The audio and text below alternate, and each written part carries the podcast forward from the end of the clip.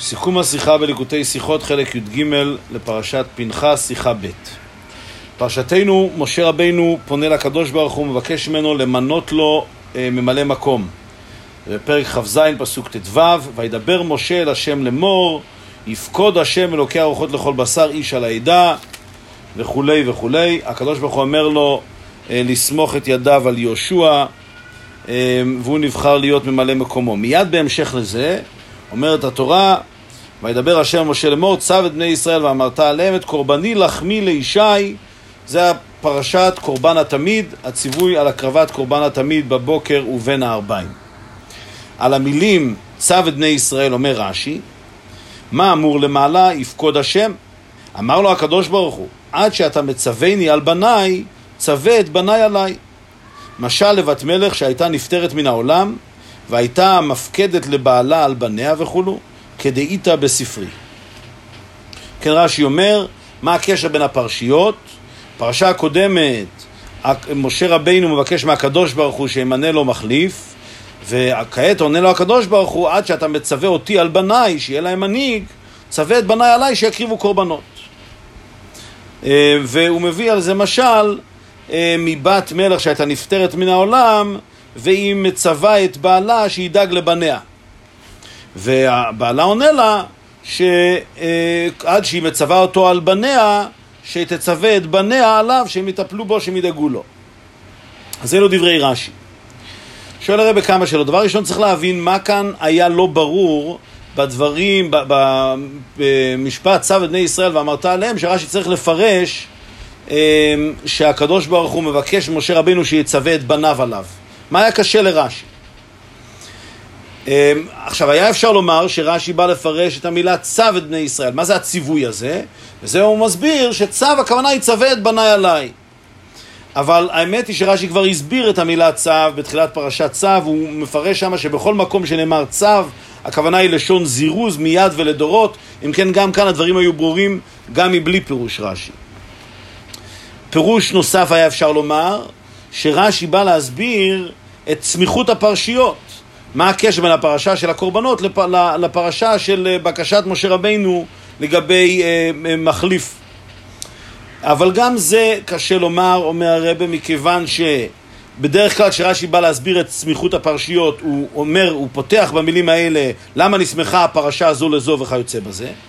וגם מוסיף הרבה, באמת אין כאן שאלה לגבי סמיכות הפרשיות, מכיוון שכאן מדובר בסוף חומש במדבר, וזה הציוויים האחרונים שהקדוש ברוך הוא למשה רבינו, מכיוון שחומש דברים זה כבר דבריו של משה רבינו עצמו, ולכן מובן שכל הציוויים שלא נאמרו עד עתה, נאמרים עתה, ואין צורך למצוא איזושהי סמיכות בפרשיות.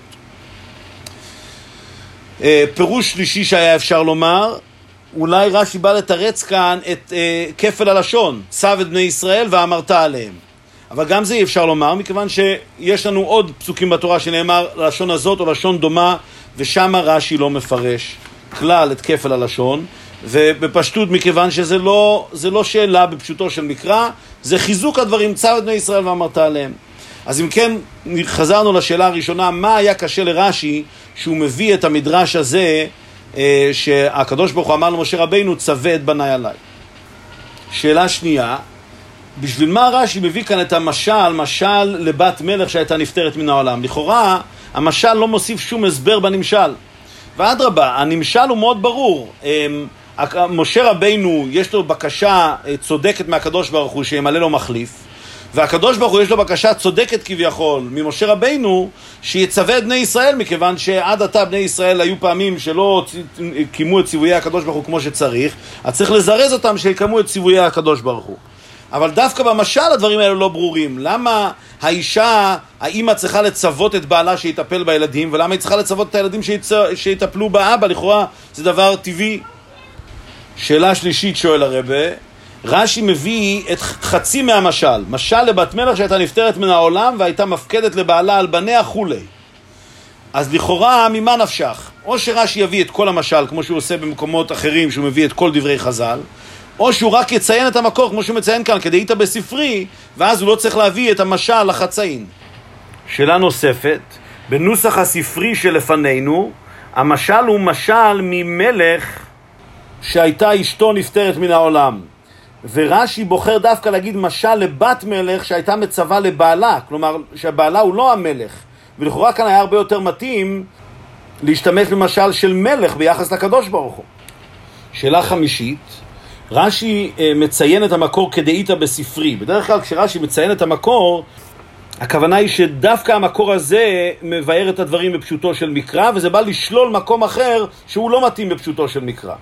ואכן, גם בנושא הזה יש משל דומה במדרש תנחומה, גם שם זה משל למלך, ומשמע שרש"י רוצה לשלול את המשל של מדרש תנחומה, ודווקא כדאיתא בספרי. אז גם פה צריך להבין למה הוא שולל את המשל למלך שמופיע במדרש תנחומה. שאלה שישית, לפי המשל יוצא שמשה רבינו כביכול מצווה את הקדוש ברוך הוא, כפי שכתוב במשל, עד שאתה מצוויני על בניי. ולכאורה, איך אפשר להגיד דבר כזה שמשה רבינו ידבר לקדוש ברוך הוא כביכול בלשון של ציווי? ושאלה שביעית, לכאורה התביעה של משה רבינו ביחס לבני ישראל, שהקדוש ברוך הוא ימנה להם מנהיג, היא תביעה צודקת והכרחית. אה, לעומת זאת, הבקשה של הקדוש ברוך הוא שיקריבו קורבנות, אמנם זה עניין של נחת רוח לקדוש ברוך הוא, אבל זה לכאורה לא דומה לדבר הכרחי, כמו מנהיג שבני ישראל מוכרחים שיהיה להם, ואם כן, איך הקדוש ברוך הוא יכול כביכול לבוא בטענה למשה רבינו, עד שאתה מצווה אותי על בניי, צווה את בניי עליי. לכאורה הם מבקשים דבר הכרחי ביותר, והקדוש ברוך הוא מבקש עניין שהוא תוספת נחת רוח, אבל לא דבר הכרחי.